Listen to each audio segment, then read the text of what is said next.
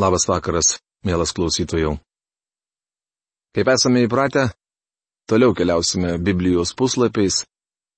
Noriu priminti, kad esame Senajame testamente ir nagrinėjame psalmės. 33 psalmė. Tema. Atpirktoji tauta gėda gyriaus giesmę. Šioje psalmėje atpirktoji tauta liaupsina Dievą. Dievas garbinamas kaip kurėjas ir globojantis valdovas. Išlovinamas už didžią ir neapsakomą malonę. Pirmą kartą pačiame psalmės tekste minimi muzikos instrumentai. Tai viena iš psalmių, kurių autorius nežinomas, nes jis nenurodytas prieraše. Galimas dalykas ją parašė nedovydas. Džiūgaukite teisėjai viešpatyje, dera, kad dorėjai išlovintų. 33 psalmės pirmą eilutę. Mes turime džiugauti Dievo akivaizdoje. Tai gražiai gyraus psalmė. Man jį primena Davido psalmės. Negalime atmesti galimybės, kad jis ir yra šios psalmės autorius. Šlovinkite viešpati lyrą, skambinkite jam dešimtstygę arfą Gėdokite jam naują giesmę, grokite kiek galite, džiugiai šūkaudami. 33 psalmės 2-3 eilutės. Mes turime gėdoti viešpačiui naują giesmę. Kokia ta nauja giesmė? Ne vienoje psalmėje kalbama apie naują giesmę, kuri bus gėdama ateityje. Manau, atėjus metui gėdoti tą naują giesmę ir gėdotojai bus nauji. Aš turėsiu naują kūną ir tikriausiai galėsiu gėdoti. Tikiuosi, danguje viešpats leis man tai daryti. Apreiškimo knygos penktos skyriaus devintoje eilutėje sakoma. Jie gėdojo naują giesmę skelbdami – Vertas esi paimti knygą ir atplėšti jos anspaudus, nes buvai nužudytas ir atpirkai Dievui savo krauju žmonės iš visų genčių, kalbų, tautų ir giminių. Psalmininkas ragina mus gėdoti gyriaus giesmę Dievui, nes jis yra mūsų kūrėjas. Tačiau danguje naują giesmę trauksime dėl to, kad viešpats Jėzus Kristus yra mūsų atpirkėjas. Apreiškimo knygos 14 skyriaus trečioje eilutėje skaitome. Jie gėdojo naują giesmę priešai sostą, keturias būtybės ir vyresniuosius, ir niekas negalėjo išmokti tos giesmės, išskyrus tuos 144 tūkstančius atpirktus iš žemės. Šioje eilutėje taip pat sakoma, jog mes turime groti, kiek galime arba kaip verčia Kostas burbulys, groti meistriškai. Bičiuli, aš esu įsitikinęs, kad jei norite viešai gėdoti, turite gerai tai daryti. Šiandien bažnytinė muzika yra apgailėtina. Aš lankausi daugelįje bažnyčių ir girdžiu gėdant žmonės, kurie neturi muzikinės dovanos. Neprivalote būti profesionalus muzikantas, tačiau turite būti tikras, kad sugebate gėdoti ir kad jūsų balsas yra dvasios dovana, kurią jį gali panaudoti bažnyčios ūkdymui ir statydinimui. Priešingų atveju jūsų pastangos bergžius. Ir nesistengkite tęsti aukštos my natos, jei jums sunkiai sekasi išgėdoti re ar net do. Tai tuščias reikalas. Juk viešpaties žodis tiesus, visi jo darbai patikimi. 33 psalmės ketvirta eilutė. Atkreipkite dėmesį, kad čia paminėtas Dievo žodis ir jo darbai. Tai yra jo kūryba. Viešpatie žodžiu buvo padaryti dangus, o jo burnos alsavimu visos jų galybės. 33 psalmės 6 eilutė. Dievo žodis galingas. Man teko matyti, kaip dainininkui tęsiant aukštą natą, sutrupėjo dvi ar net trys stiklinės. Tačiau Dievas savo balsą naudoja kūrimui, o ne naikinimui. Savo žodžiu iš nebūties į būti jis pašaukė visatą. Dievas tarė, te būna šviesa. Ir šviesa pasirodė. Taip rašoma pradžios knygos pirmos kiriaus trečioje eilutėje. Šviesoje esama galios - elektrinės ir elektroninės. Ar suvokėte, jog visa tai atsirado Dievui prabilus? Jo žodžiu atsirado visa, kas sukurta. Tiek augmenyje, tiek gyvūnyje, tiek žmogus buvo sukurti Dievo žodžiu. Jo žodėje slypi milžiniška gale. Nežinau kaip, tačiau Dievas tai padarė. Viešpats vėjais paleidžia tautų užmojus. Niekais paverčia jų sumanimus. 33 psalmės 10 eilutė. Jungtinės tautos savo devizu pasirinko Izaijo knygos antros skyriaus ketvirtos eilutės žodžius. Jie perkals savo kalavijus į arklus, o jėtis į geneklius. Tauta nebekels kalavijo prieš kitą tautą. Nebebus mokomasi kariauti. Ši organizacija pasirinko netinkamą eilutę, mat jie neužsijima kalimu. Taip, jie kala vieni kitus, bet tik ne kalavijus į arklus. Virš jungtinių tautų organizacijos būstinės turėtų kabėti kita eilutė. Būtent ta, kurią ką tik skaitėme. Viešpats vėjais paleidžia tautų, arba kaip skaitome kitose Biblijos vertimuose, pagonių užmojus. Šis devizas atspindėtų tikrąją padėtį. Prisiminkite praeitį, tiek tautų sąjunga, tiek dar ankstesnė Hagos taikos konferencija nuėjo vėjais. Pasakysiu jums dar kai ką. Žinau, kad dėl šių žodžių susilauksiu kritikos, tačiau jungtinės tautos taip pat nueis vėjais, nes Dievą paliko nuo šalyje. Laiminga tauta, kurios Dievas yra viešpats, tauta, kurią jis išsirinko paveldu. 33 psalmės 12 eilutė. Šią eilutę norėčiau iškelti ant Baltųjų rūmų Vašingtone kad ją matytų prezidentas ir visas kongresas. Viešpats žvelgia iš dangaus ir mato visą žmoniją. 33 psalmės 13 eilutė. Dievas mato jungtinių tautų organizaciją ir jungtinių valstijų prezidentą. Mato kongresą. Mato jūs ir mane. Pro jo akis neprasmunka nei vienas. Ne kariuomenės dydis apsaugo karalių. Nedidelė gale išgelbsti karžygį. 33 psalmės 16 eilutė. Napoleonas tvirtino, kad Dievas yra su didžiausiu batalionu, tačiau jis klydo. Didysis karvedys pralaimėjo Vaterlo mūšį, net vadovaudamas didžiausiam batalionui. Tikrai viešpats sergsti tuos, kurie pagarbiai jo bijo ir pasitikė jo ištikima meilė. 33 psalmės 18 eilutė. Kaip nuostabu. Jis linksmina mūsų širdis, nes mes pasitikime jo šventuoju vardu. 33 psalmės 21 eilutė. Mūsų širdis džiūgaus, jei pasitikėsime Dievo vardu.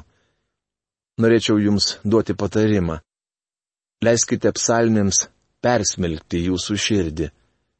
Užuot važinėję po konferencijas, kuriuose pasakojama apie naujus mokymo metodus sekmadieninėje mokykloje, vadovavimą bažnyčiuje ar kitus dalykus, pasilikite namuose ir skaitykite psalmes. Kai persismelgsite šiuo Dievo žodžiu, jis ne tik jums suteiks paguodą, bet ir išspręs 99,4 procento bažnyčios problemų. O kad šios psalmės jums taptų prasmingos ir gyvenimiškos.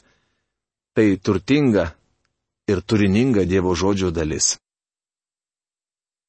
34 psalmė. Tema - šlovinimo giesmė, kurioje dėkojama Dievui už išgelbėjimą. Prie šios psalmės pridėtas paaiškinimas, kuris taip pat yra įkvėpto teksto dalis. Dovido, jam apsimetus pamišėliu prieš Abimelechą ir kai šis jį išvarė pasitraukus. Čia pasitaiko puikia proga pailustruoti jums tai, kuo naudojasi kritikai, stengdamiesi diskredituoti Dievo žodį ir kas daugeliui nemokytų žmonių sukelia abejonių dėl šventojo rašto vientisumo ir neklaidingumo. Šios psalmės atsiradimas siejamas su istoriniu Davido gyvenimo įvykiu. Prisimenate, kad Saulis persekiojo Davidą. Jaunuolis gelbėjo savo gyvybę, slėpdamasis urvuose bei uolų plyšiuose. Jis slapstėsi regione esančiame netoli negyvosios jūros, o ten išgyventi galėtų naip tol ne kiekvienas. Manęs įkivežė pro tą vietovę, tačiau vienas važiuoti pro ten nenorėčiau. Davidas įstengė išgyventi toje dykumoje, bet baisiai išvargo. Ir jo tikėjimas labai nusilpo. Šis vyras mane, kad jam bus galas, todėl patraukė į vakarus, kur gyveno Filistinai. Tuo metu Filistinų karalius priėmė Dovydą, tačiau kai kurie jo vyrai nepasitikėjo atėjūnu. Ahišo dvariškiai jam sakė, na, ar tai ne Dovydas, krašto karalius? Argi jis nėra tas, apie kurį jie dainuoja šokdami ratelius? Saulis užmušė tūkstančius, o Davidas dešimtis tūkstančių. To žodžius Davidas paėmė į širdį ir Gato karaliaus Ahišo labai bijojo. Rašoma Samuelio pirmoje knygoje, 21 skyriuje, 12-13 eilutėse. Davidas suprato, kad būdamas priešo teritorijoje yra didelėme pavojuje, todėl apsimetė pamišėliu. Bjaurėdamasis tuo, ką mato, karalius išsiuntė Davidą namo. Taip Davidas išgelbėjo savo gyvybę. Pabėgęs nuo Gato karaliaus ir sugrįžęs į Izraelio dykumą, manau, jis vėl pasislėpė oloje ir saugiai gulėdamas tenai mąstė turėjau pasitikėti Dievu. Jei atsiverstumėte Samuelio pirmos knygos 21 skyrių ir paskaitytumėte, kas ten rašoma, pastebėtumėte, kad toje Biblijos vietoje Gato karalius vadinamas Ahišu, tuo tarpu čia 34 psalmėje Abimelechu. Šį faktą kritikai vadina visiškai akivaizdžių įrodymų, kad tai anaip tol neįkvėpta Davido psalmė. Dar daugiau - klaida Biblijoje. Kritikų bėda, kad jie mato tik tai, ką nori matyti. Abimelechas yra bendrinis karališkos viršenybės titulas. Lygiai kaip ir egiptietiškas faraonas. Kai dėstytojavau Biblijos institute, vienas jaunuolis užsiminė man apie šią Ahišo ir Abimelecho problemą. Jis pasakė, jog tik iš šventojo rašto įkvėptumu, tačiau ši akivaizdi klaida jį baisiai neramino. Žinoma, vaikinui paprasčiausiai trūko pažinimo. Prisiminkite vieną. Kai jums atrodo, kad radote Biblijoje klaidą, bėda ne Biblijoje, bet jumise. Tokia pati ir nūdienos kritikų bėda. Mums reikia nagrinėti šią psalmę Davido išgyvenimų šviesoje. Visuomet viešpati garbinsiu, jo šlovė nuolat bus mano lūpose. 34 psalmės antra eilutė. Ar bėdoje jaučiatės silpni ir nugalėti? Taip jautėsi ir Dovydas. Jis bėgo, bėgo, bėgo, atrodė, jog tai niekada nesibaigs. Šis vyras nusilpo ir neteko drąsos. Vieną dieną mane nudės, manė Dovydas. Visgi sako, visuomet viešpatį garbinsiu. Drauguži, man gan gerai sekasi garbinti viešpatį gražią saulėtą dieną, kai viskas klostosi kuo puikiausiai. Bet daug sunkiau daryti tai užėjus sunkumams. Tačiau Davidas galėjo pasakyti, jo šlovė nuolat bus mano lūpose. Aš didžiuojuosi viešpačiu, romieji girdės tai ir džiaugsis. 34 psalmės, 3 eilutė. Davidas liudijo viešpati savo nuostatą. Skelbkite su manimi viešpaties didybę. Aukštinkime jo vardą drauge. 34 psalmės 4 eilutė. Norėjau panaudoti šią eilutę kaip antraštę ant blankų, kuriuos mes naudojame Through a Bible radio kontoroje. Noriu, kad jūs kartu su manimi skelbtumėte viešpaties didybę. Vienoje iš psalmių sužinosime, kad Dievo žodis ir Dievo vardas yra beveik tas pats. Jie abu be galo svarbus. Mes trokštame skleisti Dievo žodį, nes jis išaukštins jo vardą. Norėčiau kartu su psalmininku pasakyti, skelbkite su manimi viešpaties didybę, aukštinkime jo vardą drauge, skleisdami Dievo žodį. Pirmose trijose eilutėse vien šlovinamas Dievas. Tai tarsi priegesmis, kuriame gėdama, Aleliuja. Toliau Davidas paaiškina, kodėl su tokiu įsidegimu garbina Dievą. Kreipiausi į viešpatį ir jis man atsakė, išgelbėjo iš visų mano baimių. 34 psalmės 5 eilutė. Kaip nuostabu. Pažvelkite į jį ir pralinksmėkite, niekada jums nereikės kesti gėdos.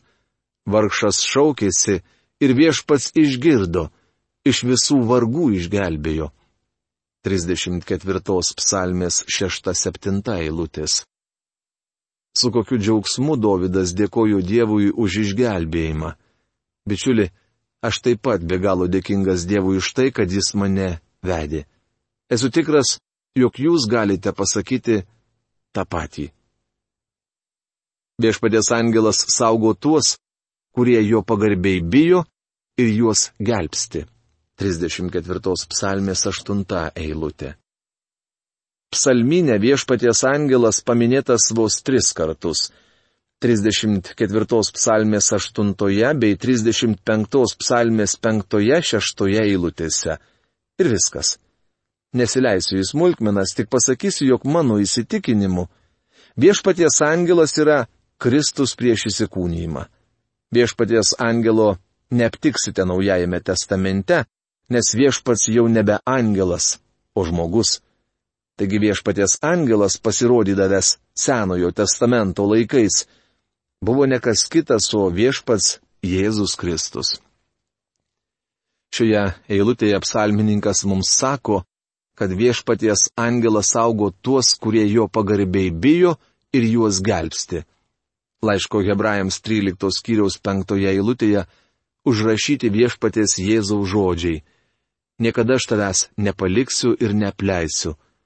Evangelijos pagal Mata 28 skyriaus 20 eilutėje viešpats sako, štai aš esu su jumis per visas dienas iki pasaulio pabaigos.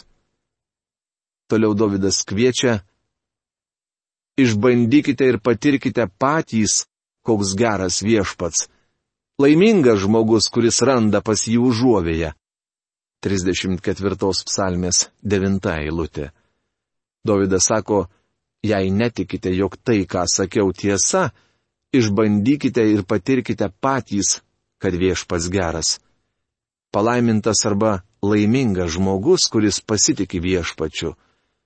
Kas gali būti nuostabiau? Davidas buvo ilgą laiką medžiojamas Sauliaus. Jis lapstėsi urvuose ir tapo užsigrūdinusiu žmogumi. Šis vyras matė tai, apie ką kalbama kitoje eilutėje. Net liutukai kenčia skurdą ir alkį, o einantiems pas viešpatį nieko netrūksta. 34 psalmės 11 eilutė. Davidas matė, kaip inkščia alkani liūtukai. Taip pat pastebėjo, jog einantiems pas viešpati niekuomet nieko nestinga.